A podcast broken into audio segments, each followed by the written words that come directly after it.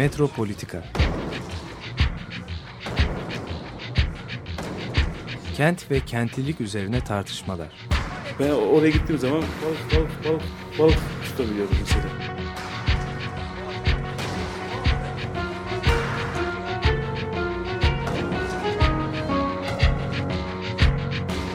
Hazırlayıp sunanlar Aysin Türkmen, Korhan Gümüş ve Murat Güvenç.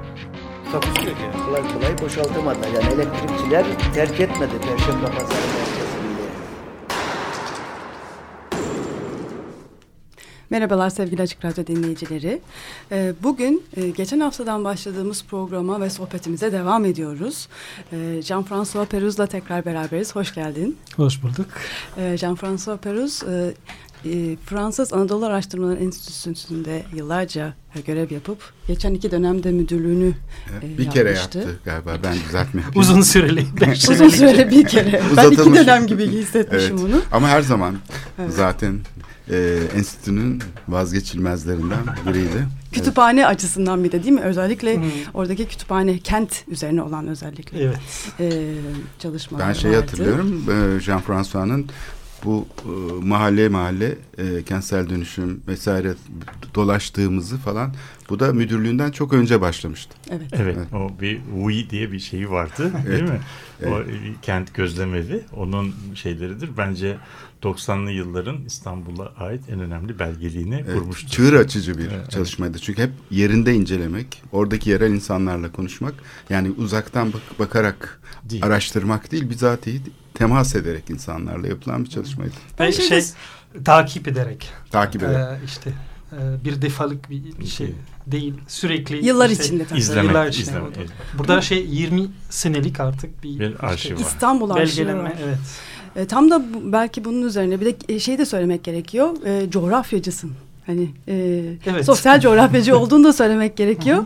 E, çünkü e, çok fazla bilinen bir şeyde değil, bir alanda değil. e, Türkiye'de, değil. Türkiye'de değil.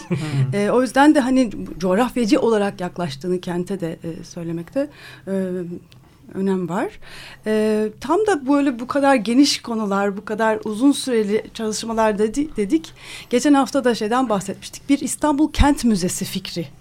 E, bu- dolayısıyla bu, bu hafta programımızda bu kent müzesi üzerine e, hani fikirler üretelim, tekrar düşünelim, nasıl olur diye başladık konuşmaya. E, devamını getirelim diye düşündük. Bir sürü konuda çünkü çalışma var ve bunları da hani değerlendirebileceğimiz bir müzeyi nasıl hayal edebiliriz, nasıl düşleyebiliriz diye e, konuşalım. Aslında geçen haftaki konu da bununla ilgili çok hoş bir açılım da sağlıyor. Çünkü İstanbul surlarını konuşmuştuk ve İstanbul surlarının abidevi bir e, bildiğimiz şey- tarzda abidevi bir e, formatta olmadığından bahsetmiştik. E, günümüzdeki müze de artık bildiğimiz abidevi formatlardan çıkıyor. Başka türlü algılanmaya başlıyor. Başka türlü formatlara girmeye başlıyor. Belki surlarla da hani bu kent müzesi fikrini de e, açabiliriz. İstanbul surları bir kent müzesi fikrinin Evet. belki bir Tabii. çıkış noktası olabilir. Çünkü inanılmaz bir tarihe sahip oldukları gibi günümüzde hala işler, işlevlerini devam ettiriyorlar. Hem e, kentin gündelik hayatıyla hem de katman katman tarihi ve coğrafyasıyla ilişkideler.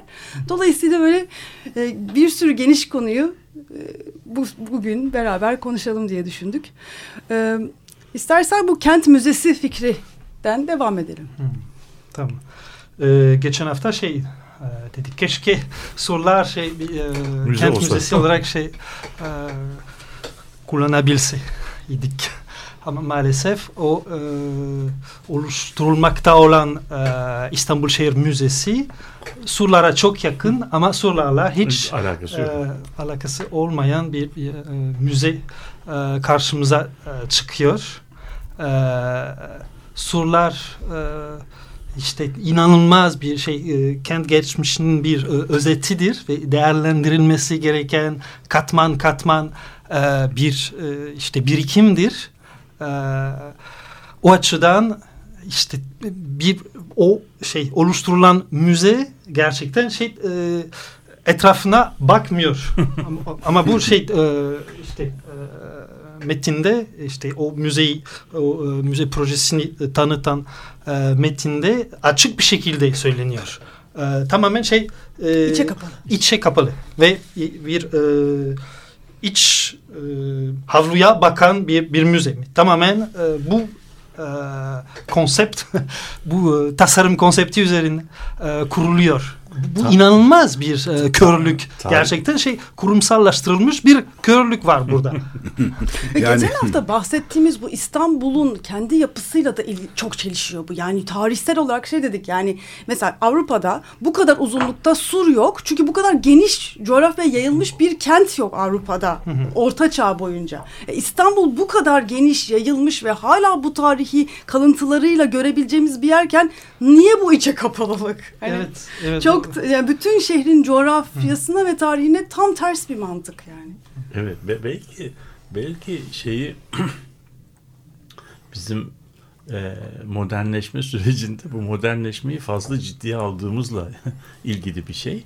Çünkü mesela e, orta çağa kadar orta çağa kadar devlet yani bu ulus devletlerin e, yükselişine kadar mesela e, şeyde e, mahkemelerde Roma hukukunda da öyle sözlü tanıklık yazılı tanıklıktan daha değerli bir şey. Yani gördüm, denedim, deneyimledim filan. Fakat Ve sözünü söyledin. Tamam. evet, Söz çok kıymetli Söz, bir şey değil mi? gör, hayır, gözümle gördüm, söyledim. O bana böyle dedi. Yani genellikle de mesela bizim evlilik törenlerinde evet dediğini duydum. Yani evet dediğini duydum dediğin zaman o oluyor. Yani o İmam bir- nikahı da öyle değil mi? Tamam yani işte o yüzden İmza atmakla e, olmuyor. Olmuyor. Evet. Yani ama e, bu modernite projesi yükseldikçe sözlü tanıklık şey oldukça e, devalüe oluyor. Onun yerine yazılı belge, re- referans, kağıt, kuyut. Şimdi öyle olduğu zaman da e, bü- bürokratik gözle dünyaya baktığın zaman ve tarihe baktığın zaman e, şey o evidence yani hakikat yazılı olan oluyor. Yazılı olmayan uçucu, kaçıcı, dedikodu filan gibi değersizleşiyor. Öyle olduğu için de yani bu gündelik hayatın e, mesela tarih alanında gündelik hayatın keşfi çok yeni bir şey. Çok yakın zamanlara kadar tarih dediğin şey yani geleneksel tarih, Ranke'nin kurduğu, Almanya'da kurduğu tarih bilimi dediğin şey işte bu belgelerin karşılıklı e, karşılıklı doğrulanmasına şey yapıyor. Tarihçi önce kendi memleketinin belgelerini inceliyor ama onunla yetinmiyor. Bir de karşı devletlerin belgelerini inceliyor. Aynı olay beş devletin belgesinde birbirine benzer bir şekilde e, zikredildiyse ha bu olay oldu diyor.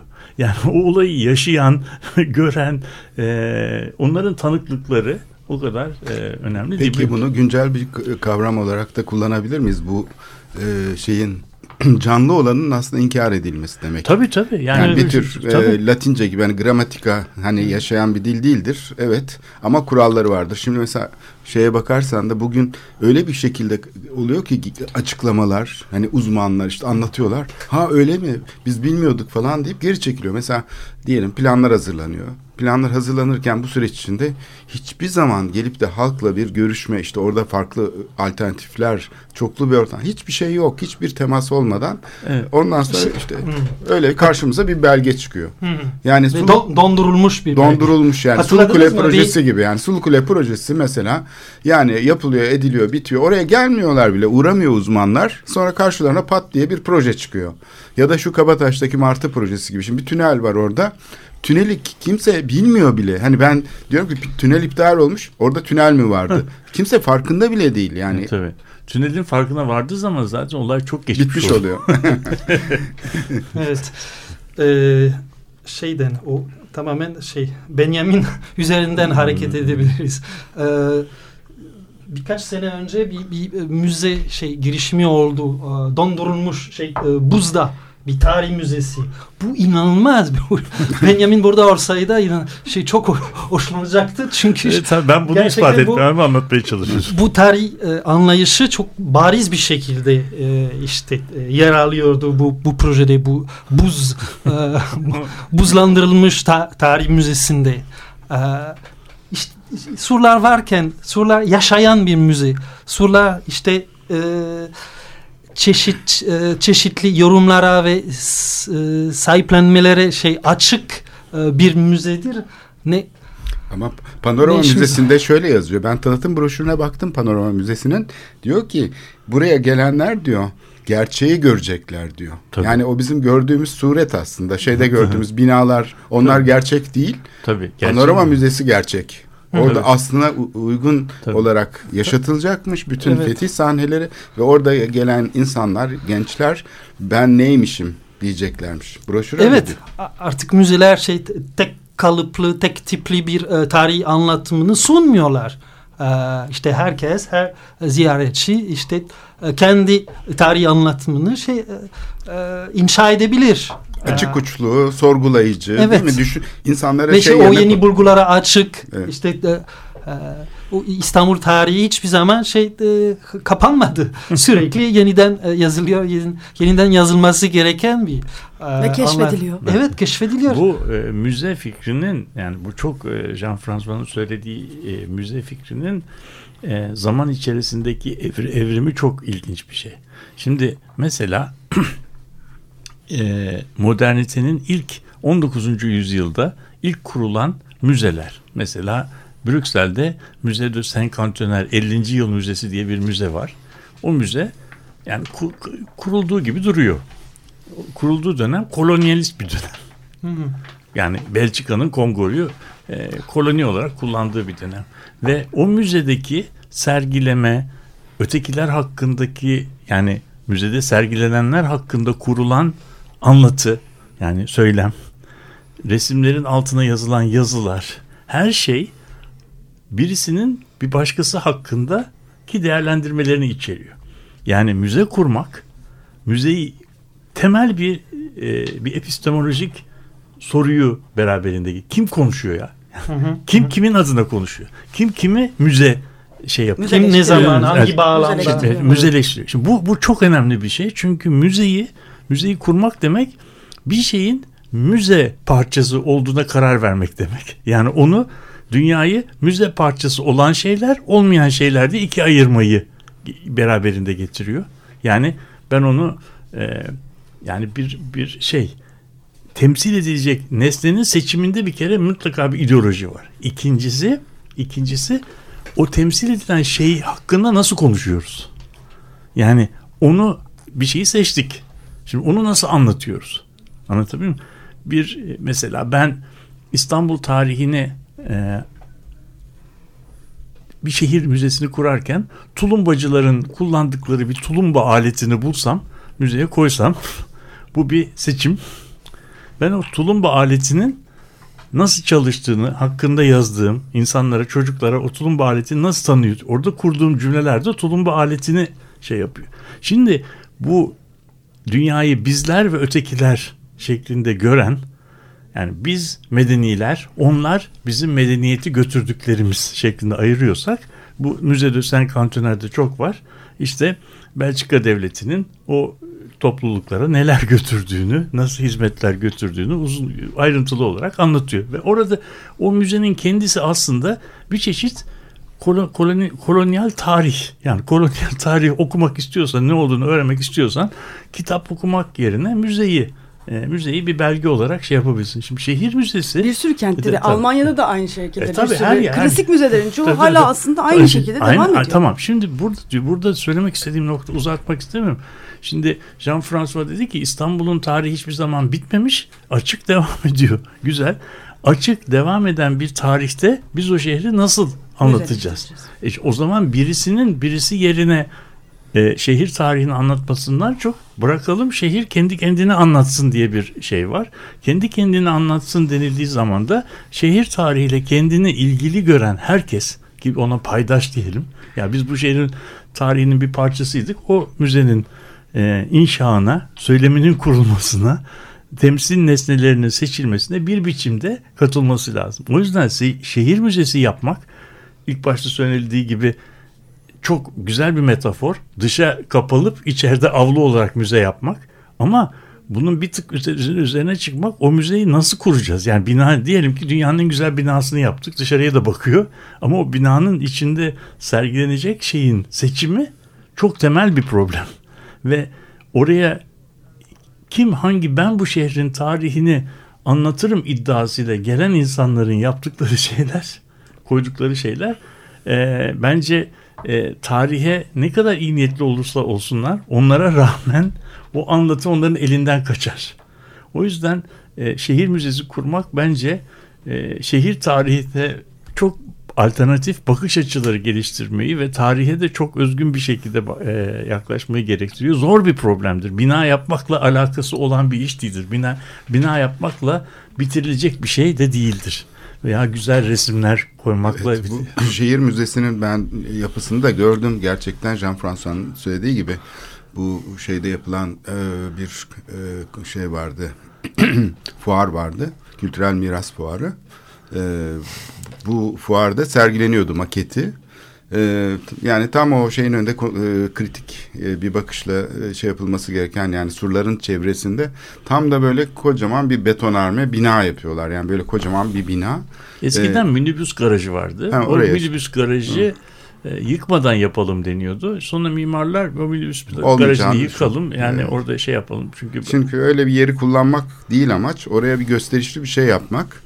Şimdi burada iki tane şeyin çatıştığını görüyoruz. Yani burada bir temsil krizi var. Müzenin bir kendisinin bir temsil krizi var. Bir tanesi bu sürece katılan uzmanların nesne olarak baktıkları bir şehir var ve bu evrensel ölçütler diye kabul ettikleri ölçütler bunlar. Kültürel miras nedir, ne değildir?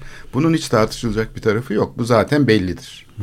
Dolayısıyla anıtlar var, işte şu var. Bunlar döneme göre de değişmez yani. Bu böyle sabit bir şey vardır. Kültürel miras hazine gibi geçmişten bugüne doğru gelmektedir. Şimdi bir böyle bir şey var. Ama buna çok daha baskın bir şekilde e, kimlik e, şeyi üzerinden oluşmuş bir siyasi e, şey de var, temsil de var halkla ilişkiyi de o kurmaya çalışıyor. Çünkü işte Fetih e, şeyinde olduğu gibi senaryosunda yani bunun aslında ne kadar ulu, şeyin başarılı bir e, şey olduğunu, e, kültürel anlamda üstün bir değere sahip olduğunu göstermeye çalışıyor bir tür baskılanmaya karşı. Dolayısıyla ikisi sanki rekabet içine girmiş gibi oluyor. O evrensel tarih tezini savunanlar gidip Bizans'a, Roma'ya uzanıyorlar daha Neolitik dönemlere falan. Öbür taraftaki ise ısrarla işte bizim geçmişimiz, bizim milli değerlerimiz falan diyerek bunu dönüştürmeye çalışıyor. Buna ara formül bulmak için de sürekli böyle yer altından bak aslında biz Romalılardan da önceymişiz. Neolitik dönem kalıntılarından da biz e, gene Orta Asya çıktı falan gibi tuhaf böyle şizofrenik bir durum. Yani şizofreni azalacağına büsbütün e, gelişiyor. Çünkü bunu bir türlü bastırmak da mümkün olmuyor. Evet, yani bir kere tarihe böyle ben ben bizler ve ötekiler diye bakmaya başladıktan sonra yani o hele şehir ölçeğinde hele şehir ölçeğinde zor zor. İkinci, Karşılaştığımız iki, her şey çünkü bizi sarsıyor o zaman. Yani bir bu senin tarafı var. Yani Hı. bu yaklaşım tarafı var. Hı. Bir de müze müze fikri yani İstanbul Şehir Müzesi yapalım denildiği zaman hemen problem o müzenin binasına e, kayıyor. Yani önce müzenin şemsiyesi yapılacak. Onun şemsiyesi yapıldıktan sonra onun içi yapılacak. Çoğu kez de şemsiyeyi yapacak olan insanlardan müzeyi kurmaları isteniyor. Yani bu İstanbul Müzesi'ndeki küratörlük görevinin büyük bir kısmı aslında mimarın bürosunda e, gerçekleşiyor. Şimdi bu da tabii bir şehir müzesi yapmanın en iyi yolu değil. Çünkü önce bunun bir e, kavramsal çerçevesi nasıl kurulacak? O belgeler seçim nasıl yapılacak? E, acaba nasıl e, yani nasıl yönetilecek? E, Kim de, yönetecek bir kere müzeyi? Ne, ne sergilenecek? Nasıl sergilenecek? Ne kadar mekan gerekecek? Bunlar nasıl yerler olacak? Bu, bu program belli olacak ki bina ondan sonra olacak. Şimdi buradaki tam mimari açıdan tam ters bir süreç yaşanıyor. Önce bina bir biçimde yapılıyor. Hı hı. Ondan sonra o binanın içine e, binanın içinin şu seksiyonu burada işte e, Neolitik anlatılacak. Burada e, antik dönem anlatılacak. Burada orta çağ anlatılacak. Burada ondan sonra ben buralara böyle e, siz de bunun içine bir şeyler koyun. E şimdi bu işte eski müzede ne yapılıyordu? Güzel güzel dolaplar vardı. O dolaplara e, lambalar takılıyordu. İçine objeler konuyordu. O objelere gidiyordu. insanlar bakıyordu. Aa eskiden böyle objeler varmış diyordu. Ondan sonra da geçiyordu. Şimdiki müze böyle değil yani. Şimdiki müzenin sergileni yani şimdiki müzenin sergileyeceği malzeme o kadar çok, o kadar çok, o kadar çok ki bunu artık tahta kutularla veya panolarla çözemiyorsun. Yani burada başka temsil, başka gösteri başka şeylere gerek var ve en önemlisi de bir seçim seçim problemi var. Nasıl seçeceğiz? Yani bu o yüzden bu e, şehir müzesi işi bence çok e, kompleks kompleks bir şey. Evet, bunun işine girmeden önce yani bunun e, bunu hemen bir bina yapalım. Yani bina üzerinden müze kurmak o müzenin İstanbul tarihinin karikatürü bile değil yani. şey. İstanbul çok zengin bir şey. O yüzden yani dünkü daha önceki toplantıda Jean-François dedi ki yani İstanbul Şehir Müzesi ne, ne olacak ne bitecek oralar yani şeyler surlar varken surlar inanılmaz kendisi bir şehir müzesinin kendisi. Yani surları ziyaret etmek İstanbul Şehir Müzesi'nin önemli bir parçasını ziyaret etmek. Surların tarihini. E, ama o zaman surlar nasıl ziyaret edilir? Nereden başlanır? Nereye gidilir? Ne, surların hikayesi nasıl anlatılır? Bunlar işte o müzenin önemli... Bir de surların keşfe açık olması. Yani o keşifi yapan, araştıran bir e, gözlem yapan işte bir organın olmadığını söyledi e, Jean-François değil mi? Geçen e, seferki, e, geçen haftaki şeyimizde programda. Çünkü o kadar kompleks bir şehirsel olgu ki bu turlar yaşayan, içinde yaşamın devam ettiği, üretimin devam ettiği, bunun üzerine gözlem yapan, bunu korumak için, geleceğe taşımak için her şeyden önce bilgi il işleyerek bunu yapabilecek bir şeyin olması lazım. Bir enstitünün vesaire bunun gibi bir kurumun olması lazım. Ben en basitinden şöyle bir şey söyleyeyim ilk başta. Yani bu hakkında konuştuğumuz dönemin mesela betonarme dediğimiz inşaat tekniği çok yeni bir teknik. 19. yüzyılın en son 20. yüzyılın Başında, başlarında evet. baş, o, o tarihe kadar inşaat dediğimiz şey yığma inşaat yapılıyor. Yığma inşaat. Ve bu yığma inşaatta bugün yani şimdi bugünün şeyde baktığın zaman geri bir teknoloji gibi gözüküyor. Geri. Yani bugünkü betonarmeye göre. Şimdi İstanbul'da bunun böyle olmadığını anlat, anlat, anlatacak onlarca yüzlerce mesela. Ben bundan birkaç sene önce bir yığma mimarinin strüktürüyle e, uzmanlaşmış. Yığma bir mimarinin yani masif architecture'da. Ve o bize bu İstanbul gibi deprem şey çok yüksek olan yerlerde bu abidelerin nasıl yapıldığını anlattı. Yani biz mesela bugün bu abideler mesela Ayasofya ondan sonra Sultanahmet ondan sonra şey bu abideler bu kadar depreme rağmen nasıl ayakta kalmışlar? Biz mesela bunu şu anda çok uzmanlar haricinde halka anlatamıyoruz. Ama mesela şöyle bir şey var. Sadece şunu söyleyeyim. İstanbul'da herkes o Sultanahmet Parkı'ndaki dikili taşı bilir. Dikili taş böyle bir şey. Altında dört tane küp var. O koskocaman taş o dört tane kübün üzerinde duruyor. İstanbul bütün zelzeleleri geçiriyor ve taş yerinde duruyor. Anlatıyor muyum? Nasıl oluyor bu? Nasıl oluyor da şey yıkılmıyor? Ya yani depremden sonra. Mesela burada Osmanlıların Bizans'tan, Bizanslıların da kendilerinden Romalılardan, Romalıların ise ta Mezopotamya'dan öğrendikleri, Mısır'dan, Ma- Mısır'dan öğrendikleri inanılmaz e, sofistike bir kuyu sistemi var. Biz mesela bu kuyu sistemini bilmiyoruz. Bütün abidelerin etrafında, Ayasofya'da dahil, büyük camilerin etrafında bütün şeyi, yapıyı çepeçevre çevrileyen belki 50-60 metreye inen deprem kuyuları var. Böyle yapılıyor. Hmm. Bu deprem kuyuları şunu sağlıyor. Bu kuyular yapılıyor ve üstü kapatılıyor. Amacı şu. Deprem olduğu zaman iki türlü dalga var. Bir tanesi bir, bir tanesine S dalgası deniyor. Böyle yatay dalga. Bir tanesi de kırılmayla gelen düşey dalgalar var. Düşey dal şey e, yığma binalar düşey dalgaya son derece da- dayanıklı. Yani dikine gelen darbelere dayanıklı. Çünkü ağırlıklarıyla kendini koruyorlar. Ama en çok zayıf zayıf oldukları şey bu yatay. Yatay dalgada da yani yatay dalgalarda da bizim bu Marmara depreminde öğrendiğimiz bir sıvılaşma olayı var. Sıvılaşma olayı liquefaction deniyor. Yeraltı suyunun yukarıya doğru çıkması o şey sırasında. Sallantı sırasında. O yeraltı suyu yukarıya doğru çıktığı zaman binayı taşıyan kütle çöküyor. Binada yerin dibine geçiyor. Yalova'da buna benzer binaların dördüncü katının birinci kata indiğini gördük. Bu olmasın diye binanın etrafına kuyular yapılıyor. Yeraltı suyu yükseldi yükseldiği zaman binanın etrafında yükseliyor. Kuyuların içine su doluyor. Bina havada kalıyor. Anladın mı? Yani bina sağlam zeminde kalıyor. Mesela bu tür teknolojilerin, bu tür şehir yapma teknolojinin çok iyi bilinmesi lazım ki biz şehri anlayalım. Ve mesela adam bize bu İstanbul'daki dikili taşın altındaki temel sistemini gösterdi. Dikili taşın altındaki temel sistemi 8 kat yüksekliğinde. Dikili taştan uzun. Tabii yani ye- yerin altına giriyor. Muazzam bir piramit var. Onun üzerinde duruyor. Biz o piramidi görmüyoruz yani. An- anlatabildim mi? Şimdi mesela şehrin keşfi bütün bunlarla beraber olduğu zaman bir anlamlı. Yoksa tahta e, kutuların içerisine tulumba makinesini koyup bakın bu eskiden tulumbacılar böyleydi demekle olmuyor. Yani. Onu söylemek istiyorum.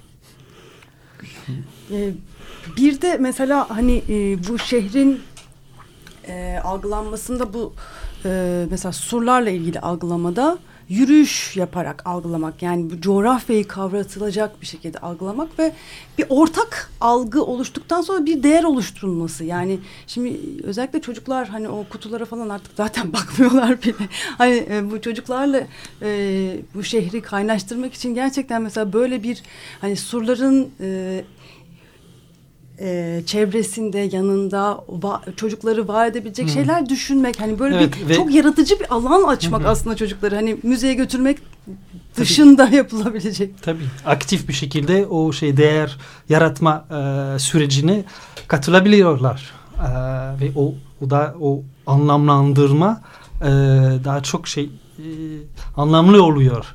E, ve daha çok sağlam oluyor bu e, katılım olursa. O Ya- değer yaratma sürecine katılım. ihtişamı gösterme merakı var ya işte bu Osmanlı döneminde biz neydik işte muhteşem Süleyman sergisi gibi yani. Evet. İşte karşı taraf da bunu bekliyor. Yani Avrupa'da, Amerika'daki yani bu elit işte çevrede Hı hı. yani işte Acayip. İstanbul deyince işte haremi merak ediyor, işte şeyi merak ediyor. Yani bir tür kendi kendini oryantalize eden bir tavırla ya biz de işte buna özgü şeyler üretiyoruz. Kent Evet, tasavvurları üretiyoruz. Evet, işte e, aynen. Fetih üstünden, şey Bu, üstünden. bu evet. çok önemli bir şey söylüyorsun. Bugünkü şehir e, araştırmaları alanında bu e, şehir tarihinin ziyaretçiye göre tasarlanmış yazılması. Bunun bir kavramını e, şey yaptılar, e, geliştirdiler. Yeni kent çalışmaları alanında İngil Fransızcası nasıldır bilmiyorum ama İngilizce'de buna city users deniyor. City şehir kullanıcıları. Şehir kullanıcıları çok ilginç bir şey kavram. Bu citizen değil, şehri kullananlar. Yani bir mesela işte bu eskiden İstanbul'da çok yüksek bir şeyler geliyordu ya bu transatlantikler. Onlarla gelen e, kitleler. Her geminin içerisinde 3000 kişi var. 3000 kişinin kafasında kendi bir şeyi var. E, bir İstanbul e, hülyası var. Tahayyülü Ve. Tahayyülü var ve İstanbul'a geldiği zaman onu görmek istiyor. Şimdi kendilerine anket falan yapıldığı zaman da hep o tahayyüllerini anlatıyorlar. Sonunda bu Londra'da da yaşanmış, başka yerlerde de yaşanmış. Çok ilginç bir durum var. Bir, bu durumda bu şehir yani mesela Londra gibi bir şehirde hesaplanmış her gün 400 bin civarında böyle turist var. Gelmiş gidiyor. Şimdi şehrin nüfusu da şehrin nüfusu da aslında 8-10 milyonluk bir aglomerasyondan var. Burada 400 bin tane şey var. Ama bu 400 bin dediğimiz nüfus her gün değişiyor. Yani bir kısmı geliyor bir kısmı gidiyor filan. 365 ile 400 bini 400 e, 400 bini çarparsan aslında Londra şehrini bir yılda 100 milyona yakın insan ziyaret etmiş oluyor. 10 milyon kişi ikamet ediyor. 100 milyon kişi de buradan gelip geçiyor. Bu gelip geçenler oy vermiyorlar. Vergi vermiyorlar. Tamam mı? Ama para bırakacaklar. Para ama para bırakıyorlar. İkincisi de para bıraktıkları için bütün şeyde esnaf, karar vericilerde şehir hakkındaki e, projeyi yaşayanlara göre. değil, şehre gelenlere göre. İstiklal Caddesi'nde şimdi gördüğümüz gibi. Şimdi o yüzden o, o hakikatle alakası olmayan tamam bir imajın kendisi şehrin imgesi haline getirilmeye çalışıyor. Müzeler, anlatılar, e, şehrin imajı bu e, şey muhayyel şehir imgesi üzerinden kuruluyor. Bu durumda yani ne kadar hakikate e, uygun olduğu veya değdiği bilinmeyen bir imgenin kendisi süreç içerisinde şehrin tarihinin imalatını e, yapıyor. Yani şehrin tarihinin aktörlerinden bir tanesi de bu anlatı oluyor. Ama bu Dolayısıyla im- şehir kalmıyor. Mesela Venedik, Venedik'ten artık bahsetmek çok zor. Şehirde yaşayan yok. Venedikli kalmamış ama durumda. orada, orada bile bir direniş var bak. İstanbul doğrudan teslim olmak için çaba gösteriyor. Asıl sorun burada bence. Çünkü Venedik'te şeyle bakarsan hep planlara falan hep buna karşı bir çare arama şey var. İstanbul'un koruma planları, tarihi yarımada'nın koruma planlarında aynen şu şöyle cümle geçiyor.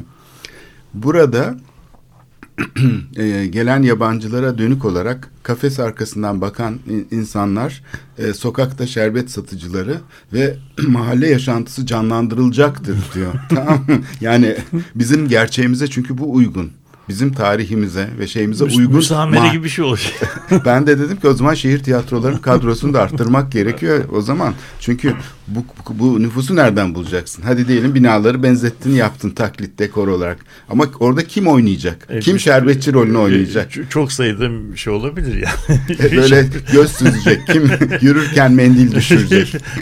çok. Bu kent müzesi fikrinde bir, bir önemli nokta daha var. Yani bir de böyle hani 250 senelik bina olması gerekiyor. Hani değil mi böyle işte binlerce yıllık e, surlar falan diyoruz ama bir yandan da kent tarihi dediğimiz zaman son 20 senedeki kentsel dönüşümden de bahsetmemiz lazım ve şu anda belki e, oradan başladık zaten. E, en önemli şeylerden bir tanesi bu senin yaptığın çalışmalarda özellikle bu kentsel dönüşümü e, e, ilk andan itibaren e, sen İstanbul'daydın ve çalışmaya başladın ve e, konuşmanın başında da söylediğin gibi yani sürekliliği hani sürekli o, takip ettin. Hani bu da önemli. Çünkü bazı dönemlerde mesela Sulu Kule ile ilgili e, bir ilgi oluyor ama sonra hani bu ilgi geçti. Hani mesela kent muhalefetiyle ilgili de bu tekrar tekrar düşünülmesi gereken bir şey ama mesela sen bir iki mahalleyi özellikle takip ettin ve bütün yasaları nasıl değişti, nasıl başladı. Bir kent müzesinde aslında bu çok yakın tarihin böyle bir şekilde incelenmesinin de çok büyük önemi var. E, biraz aslında sen bu evet, anlamda... bu, bu çok şey... E, önemli bir şey, bir müzenin önemli bir görevi olabilir ama şey maalesef e, bu bu yönde e, ilerlemiyoruz bu, e, burada. O işte yakın e, şehir şey e, belleğini şey, canlı tutmak e, bu çok çok önemli ve e, tabii ki şey e, bir bir kent müzesi bunu düzenleyebilir o o tür geziler e, ve bu e, takip işlerini e, yürütebilir. E, keşke. Mesela yani en azından mesela çok kısa bir şekilde bahsedebiliriz ama Ayazma gibi bir şey sen yıllarca takip ettin üzerine kitap çıkardın. Mesela Ayazma'da ne oldu? Yani e, ciddi bir kent muhalefetinin de oluştuğu, bu kent tarihinde önemli bir yer tutan bu muhalefet de şu anda neredeyse buradan koptu. Yani hani bu bu da önemliydi. Hı. Yani e, kent kenti üzerine düşünmeye başladı. Hani e, direnmeye başladı. Ama e, yani sanki muhalif olanlar dahi hani bu tarihten koptuk. Ben kendim hı hı. mesela öyle hissediyorum. Dolayısıyla aslında hani mesela bir bu kentsel dönüşümde neler oldu, neler yaşadık? Bunların da bir şey yapılması. Mesela Ayazma'da neler oldu? Şimdi ne Ayazma ne? Hani mesela Ayazma'da da bir şey hani surları hmm. diyoruz ama mesela Ayazma'da da bir noktada belki kent müzesinin bir parçası olmalı ki biz neyi unuttuk? Ne yaşadık? Evet, nasıl çünkü, direndik ve neyi unuttuk? Şey Ayazma'nın aslında bir uzun bir tarihi vardı ama o, o tarihi tamamen yok oldu. Artık o tarihin şey e, iz, izleri e, yok olmuşlar. Bir Ayazma vardı. İşte Bizans'tan kalma e, müthiş bir Ayazma ve e, işte ma, mahalleyi ismini veren e, işte e, Osmanlı döneminden e, kalma e, bir takım kalıntılar vardı. İşte e, 40 40'lı e, yıllardan 50'li yıllardan kalma e, o, o bütün bu, bu katmanlar şey e, tamamen yok oldular ve artık Ayazma ismi bile şey duyulmuyor ve bambaşka isimler satılıyor ha, o pazarlanıyor. Bile o kentsel dönüşüm tamamen bir şey geçmişin inkarı üzerinde kuruluyor. Her açıdan. Işte. İsmi bile yok. Evet o e, eski e, e, sosyal hayat ile ilgili eski topografya ile ilgili her şey çok Mar çok marka, çabuk çabuk marka unutuluyor. isimleri geliyor. Evet ve e, işte tabula rasa şey yapılıyor. Her şey, şey sil baştan şey siliniyor. E, ve yeni bir e, işte hayali İstanbul kuruluyor. E, Şimdi ama aslında o da ilginçti. Yani Ayazma niçin yıkıldı? e, olimpiyatlarla ilgili de bir kız bir şey vardı. Olimpiyatların bile izi yok. Hani Hmm. böyle o da çok ilginç değil mi? Olimpiyat stadı da bir yok yer oldu. Ayazma yok oldu. Hani bütün mesela e, İstanbul Aslında olimpiyat, olimpiyat, olimpiyat tarihi stadyumu neydi? şey 1999'da şey, e, inşaat başladı çok çok erken. E, tam bir e, arkeolojik sit üzerinde kuruldu. E, o Yarımburgaz şey e, mağarasına e, bağlı e, bir e, arkeolojik sit. E, ve sürekli sürekli tarih inkar ediliyor ve tarih şey yok oluyor bu e, bu tür şey kentleşme tarzıyla. E, ve gerçek bir şehir müzesi onu şey hatırlatması lazım. O e, işte e, unutulan e, ve yok olan bellek e, yeniden yeniden şey canlandırması lazım. E, Evet. Yoksa İmkansız yoksa şey. belleksiz belleksiz şey bir, bir, bir şehirde şey e, Müze ne olur? Evet. Böyle bir şeyde müze e, herhalde o e, travmanın e, izlerini taşır ama gizli olarak. Yani aslında e, buradaki arşiv sistemi de herhalde travmatik olur. Çünkü neleri unutacağını şey yapacağı için yani neleri unutacağını tahmin ettiğimiz için herhalde onda e, hiçbir şeyin izi kalmaz bir Osmanlı hayali olur herhalde orada işte ne bileyim fetih olur, şu olur, bu olur, kuruluşu olur. E, ama yani şimdi bu İstanbul'un ihtişamı diye çevrildi. Mesela şu e, Paris'te Grand Palais'de yapılan De Bizans à İstanbul diye bir sergi vardı. Şimdi derli toplu bir sergiydi bu. Gerçekten de hani bayağı uzmanlar falan çalıştı. Açılışına cumhurbaşkanları falan katıldı Paris'teki açılışına. Buraya geldiği zaman Sabancı'daki ismi bir kere isim değişti. Yani Bizans'tan İstanbul'a değil e, İstanbul'un ihtişamı oldu. Oldu. Birdenbire yani niye e, bu isim değişikliği gerekti? Fransa'dayken rahatsız etmedi kimseyi. Çünkü orada Aklimat. beklenti öyle. Hani Bizans sözcüğü fena değil. İşte Paris'te iyi satıyor ama İstanbul'a gelince Bizans Kelimesi- sözcüğü pek olmadı. Onun için ondan vazgeçildi. Aklimatizasyon yani şey Fakat sergi gene gene aynı sergiydi. Yani İstanbul'un mesela diyelim ki milattan önce 6500'lerde yaşadığı bu jeomorfolojik değişim yani boğazların açılışı mesela bu gürül gürül o büyük ekranda gösteriliyordu. Şimdi bunun izleri var şehirde değil mi? Şehrin Tabii. altından çıktığı zaman işte kazılarda falan hep 9-10 metre daha inince aşağıya aşağıda başka bir katman bulunuyor. Ee, özellikle e, şey yapıldığı zaman ulaşım projeleri falan yapıldığı zaman işte E, bu bu şeyi mesela işleyen bir kurum yok. İşin ilginç tarafı şu. Onların sadece çıkması yetmiyor. Tabii. Bulunması yetmiyor. Bunun şey olması lazım. Yani bir tür e, entelektüel dünyada inşa edilmesi lazım. Biz kültürel mirası nesneyle sınırlandırıyoruz. Nesneye ait bir şeymiş gibi. Evet, dondurulmuş bir Evet. nesne yine. Evet, o buz O- müzesine geçmeden önce bir müzik dinleyelim isterseniz. Bu e, New York şehri üzerine merhum e, John Lennon'ın e, öldürülmeden önce yaptığı New York şehrini anlatan bir rock and roll şarkısı e, dinleyeceğiz.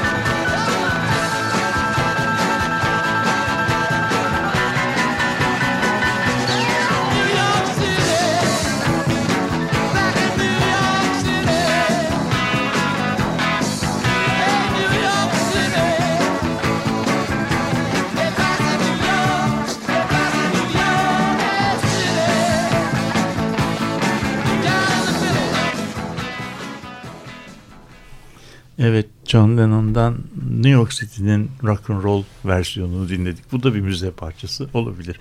Niye olmasın? Ee, şimdi şehir müzeleri hakkındaki konuşmamıza devam ediyoruz. Bir kent müzesi, bir şehir müzesi e, nasıl olabilir diye şimdi biraz e, Hayal edin. hayal etmeye başlayalım. Nasıl ol, olmalı? Zaten müze kavramı hani Nasıl geçmişte kaldı değil mi? Müze yani 19. yüzyılın müzeleri yani o zamanın işte e, inşa e, tarih inşası, kültür inşası üstüne kurulmuş müzeler geride kaldı. Bugünün müzeleri etkinlik temelli ve sorgulayıcı bir şekilde tarihi gelecekle ilgili ilişkilendiriyor diyelim. Ama Ve bugün sürekli şey besleniyor işte dışarıdan, araştırmalardan, günlük hayattan. Sürekli temas halinde yani şeyle ve sürekli araştırıcı bir zeka ile hareket ediyor. Şimdi bu İstanbul'daki bu imkansızlık yani müze kurmak istiyor ama bir taraftan da bir şeyle karşı karşıya bir temsiliyet kriziyle karşı karşıya çünkü şeyle ilişkisi bir tuhaf. Yani o ideolojik bakış, işte o belirleyici olan merkeze milli bakış şehrin tarihini öyle görmüyor işte bunun kalıntılarını. Evet. Evet. Ancak bunun belgesi İlk, olur. ilk bu. başta bir şey eleştire bir sorgulama şey e, e, olması lazım.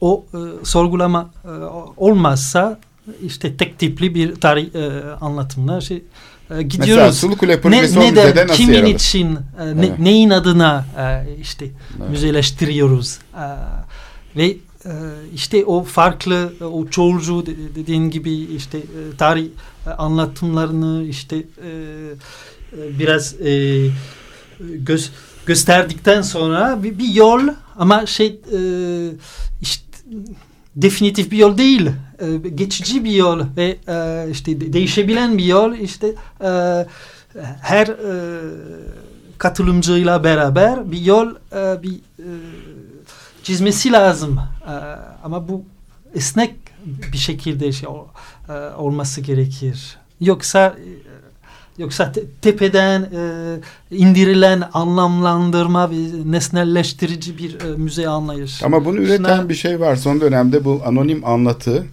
bayağı e, tabanda da yani uzmanlar katında da karşılığını buldu. Ona uygun bir tarih yazımı ortaya çıktı değil mi? Şimdi görüyoruz bu yukarıdan böyle bir anonim şey dayatılıyor aslında ve ona uygun da müze e, şeylerini hatta yönetimlerini de etkiledi bu. Zaten öyle bir resmi tarih anlatısının şeyi vardı bütün bu e, kamu kurumlarında. Ama bu bütün mesela mimarlık tarihi kürsülerinde, bölümlerinde falan da hakim olmaya başladı. Yani şimdi mesela Sulukule projesini anlatsalar şöyle anlatırlar büyük ihtimalle. Sulukule e, işte şey oldu, e, modernleşti, güzelleşti, işte tarihe uygun hale getirildi. İşte çocuklar için de güzel programlar yapıldı. Oraya da güzel bir okul kuruldu falan filan gibi. Hani bu şey mesela böyle anlatılır artık. Yani sanki e, şey yapılmış gibi. Yani aslına uygun hale getirildi Sulukule falan gibi. Böyle bir tarih yazımıyla herhalde karşımıza. Eskiden mezbelilikti. Şimdi oradan kaldırdık. Oradaki yani daha modern binalar yapıldı. falan. Temizledik. Temizledik. Şimdi mesela çok naif müzeleri vardı değil mi? İstanbul'un bir itfaiye müzesi vardı. Bir su müzesi vardı. Bir de şey müzesi, ulaşım müzesi vardı. Şimdi üç tane müze aslında İstanbul'un bu büyük kamu kurumlarının şehir hizmetlerini veren kamu kurumlarının kendi yönettikleri bir tür şeydi yani bir temsil sahnesi. Yani işte madem ki ulaşımla ilgili hizmetleri yerine getiriyorum. işte aradan tramvaylar kalktı. Tramvayları o da sergileyelim. Hepsini yok etmeyelim. İşte tünel var. O da aslında bir müzedir. Yani bugün çalışmakta olan e, kötü bir şekilde yönetilen. Ama bu müzeleştirme fikri kendi başına zaten yok edici.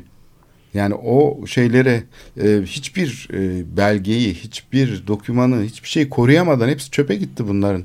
O ulaşım müzesinin şeyleri en son yerlerde falan dolaşıyordu fotoğrafları, fotoğraf. Yani bence o e, o müzeyi o işi yapanların tarihe yönelik topladıkları amatörce topladıkları malzeme bile Bugün. sonradan e, kurulacak bir müzeden daha hakiki. Ben Daha sadece de tabii kurumların şeyde. yani klasik müze anlayışında tabii çok net bir şey var. Yani tarihi ö- önceliğe yani ilerleyen bir tarih bugün Evet, müze aynen, getiren aynen. ve belirlenmiş noktaları böyle toparlayan. Evet. Ama mesela bugünkü müzecilik anlayışında coğrafya yani mekanın ne kadar e, hani daha farklı bir şekilde tarihin önüne ya da tarihle beraber en azından düşünülmesi gerektiği ortaya çıktı. Coğrafyayı, mekanı düşünmeye başladığımız zaman çok kompleks bir şeyle e, karşı karşıya olduğumuz Hmm. gündeme geldi. Dolayısıyla Evet. coğrafya aslında bugün e, tarihten bir tık daha önde e, fark ediliyor, önem kazanıyor. O yüzden de hani bu anlayışın şu anda e, hani konuşulmaya başlaması bile çok önemli. E, dünyada bayağı başladı ama burada da Evet coğrafya o çok İstanbul tarihi ner- nereden e, anlatacağız? Ee, Çünkü tarih Yarımada'dan tamam ama başka bir yerden anlatabiliriz. Ee, işte Kadıköy'den a- anlatabiliriz. Adalardan İşte al. adal- adalardan. E, Bu bu işte e, Çevreden. e, çeşitli bakış açılarını göstermemiz lazım. Ve burada bir seçenek oluyor ama o seçenek e, işte tartışılabilir. E, tartışmaya açık ol- olması lazım. E, o hep şey e, işte çeperlerin e, tarihi yok deniliyor. E, Çeperlerin çok ilginç tarihleri var. Ayaz, Aslında- Ayazma gibi mesela. Evet, tarihleri var ama o, o tar- işte ge- egemen e, işte şehir tarihine e, işte tekabül etmiyor. Evet. Ama o- onu da yazabiliriz ve işte e, bu, bu yönde ça- çabalarda bulunabiliriz. E, işte taşlı tarla e, Tarihi. tarlalardan işte e, İstanbul tarihini e, Yazabilir. anlatabiliriz. Dolapdere tarihi mesela hiç yazılmadı. Dolapdere halbuki sanayileşmenin çok önemli beşiklerinden biri değil mi? Oradaki endüstri işte buzdolabı, e, mutfakçılık, otomobil, yedek parça işte oradaki üretim falan.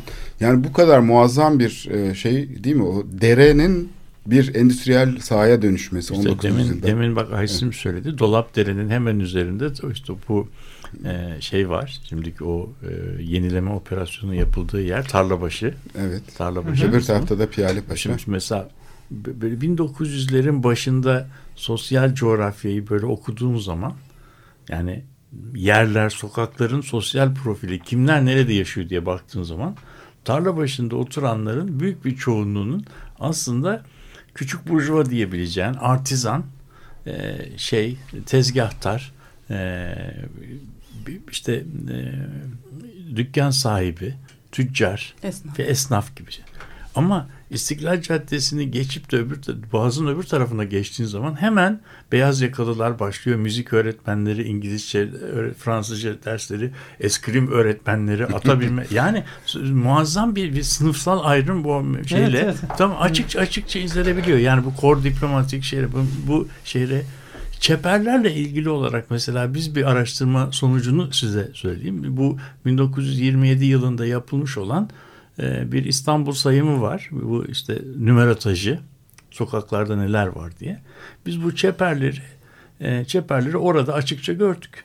Mesela e, ve şehir şehirde hiç e, beklemediğimiz yerlerde çok ilginç tarım faaliyetlerinin olduğunu ve o tarım faaliyetlerinin yanında çok e, ilginç e, emekçilerin ve orada o bostanlarda çalışanların yoğunlaştığı yerleri gördük. Bunlardan bir tanesi de bugün e, bu konferans vadisi dediğimiz bu Maçkapı şeye çıkan e, Nişantaşı'nda çıkan parkın kendisi 1940'lı yıllarda burasının burası daha 40'lı yıllarda değil daha şey 30'larda oradaki ahırlar yıkılmadan önce stat yapılmadan önce orası baştan aşağı bir bostan.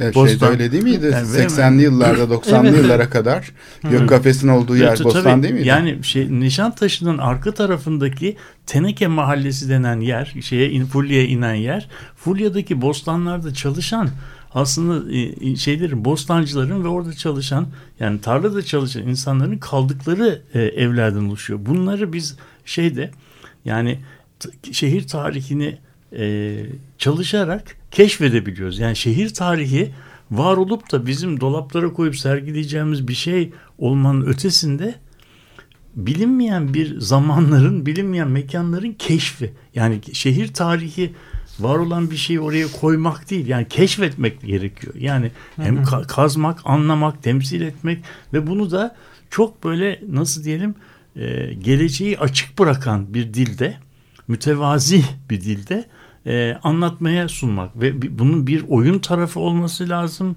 E, ve bu anlatının da çok baskıcı olmadan kurulması lazım. Bu çok çok ince bir şey. Bir bina yapmak e, Evet, evet. çok basit kalıyor İşte bunun o- yanı sıra yani. Hı hı. O şey bir, bir şehir müzesi şey a- mevcut e, araştırmalardan şey beslenmesi lazım. E, o mikro tarihin tarihin ço- ço- çoğaltmamız lazım. Evet. Her yerde işte yapılması gereken bir, bir mikro tarihi var. Evet. Bir de Ee, bugün ne bu de da belki- müthiş bir şantiye. Evet. Ee, işte e, gençler için, işte Evet. e, emekliler için ve herkes e, kendi Ke- yerinde, kendi sınıfında işte o o, o büyük e, tarih yazımına katılabilir. Ee, ve O- o- bir müze bunu teşvik etmezse Ölü bir müze. Ee, ölü- Buz, buz. buz. Öyle, Evet. öyle bir müze. Mesela e, sen e, Piyale Paşa'dan bahsettin. Belki e, gördünüz. Piyale Paşa ile ilgili Bir, bir, sergi, bir sergi Onu da işledik programda da işledik. Ha, öyle mi? Evet. Tamam. Ama. Ama bu- bunun tarih anlayışı inanılmaz. biz e, Aysim'le gittik Hacı zannettik ki. Ösrev'den bahsetmeden, Dolatdere'den bahsetmeden e, işte Piyale Paşa tarihini sırf şey, e, cami muhteşem e, e, cami üzerinden e, hareket ederek ol- olmaz. Yani herhalde Zaten hem olabilecek tarihi hem sosyal bir, bir, bir yanlışlık var burada. koparmak için yapılmış bir müze şey sergiydi o. Yani Piyale Paşa tarihini yeniden kurgulamak için yapılmış Evet, bir aynen. operasyon da bunu da açık açık söylüyordu zaten. Ee, en son belki de tekrar surlar ve bir kent müzesini olmalı. Ee, ya ben tekrar gelmek istiyorum ve e, burada da e, şey e, yine İstanbul surlarında müthiş bugün dünya müzelerinde de çok fazla e, önemsenen bir şey var. Buralar tarım alanı olarak yıllarca Osmanlı döneminde hendekler dolduruldu daha çok Osmanlı döneminde doldurulmuş ve tarım alanı olmuş. Ve bugün tekrar bu bu da müsait. Yani böyle bir müze anlayışı. Orada tarım faaliyetini tekrardan canlandıran ve surları e, kentlilerle tekrar ba- başka bir faaliyet içinde birleştirebilecek şekilde bir müze tahayyülü. Yani var olan mekanları kullanarak bina falan yapmadan çok daha ucuz maliyette hani bu tarım faaliyetini küçük küçük devam ettirerek. Hani Tabii ki mesela- o bostanlar şey hala var. e, Yani kendi kendilerine şey konservatuvardır. E, bu e, eski tarım pratikleri e, ile ilgili ve Evet. e, o o açıdan şey onlara ba- bakmamız lazım ve şey Bence kurmamız bir lazım. sonraki programda tekrar bu şeyi işleyelim. Müze konusunu ve kentsel dönüşüm tarihini. Çünkü e, bu devam edeceğe benziyor. en Burada sonunda müzeyi kuracağız. Sanal Çünkü- müze kurabiliriz en azından. Evet programın sonuna geldik çünkü. Peki. Herkese iyi haftalar İyi haftalar. dileyelim. İyi haftalar Hoşçakalın.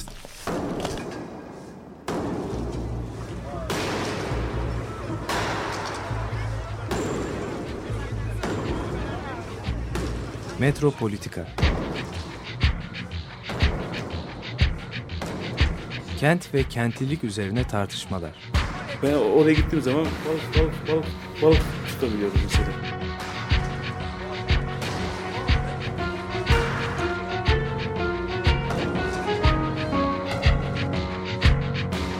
Hazırlayıp sunanlar Aysin Türkmen, Korhan Gümüş ve Murat Güvenç. Yani. Kolay kolay boşaltamadılar. Yani elektrikçiler terk etmedi Perşembe Pazarı Açık Radyo program destekçisi olun. Bir veya daha fazla programa destek olmak için 212 alan koduyla 343 41 41.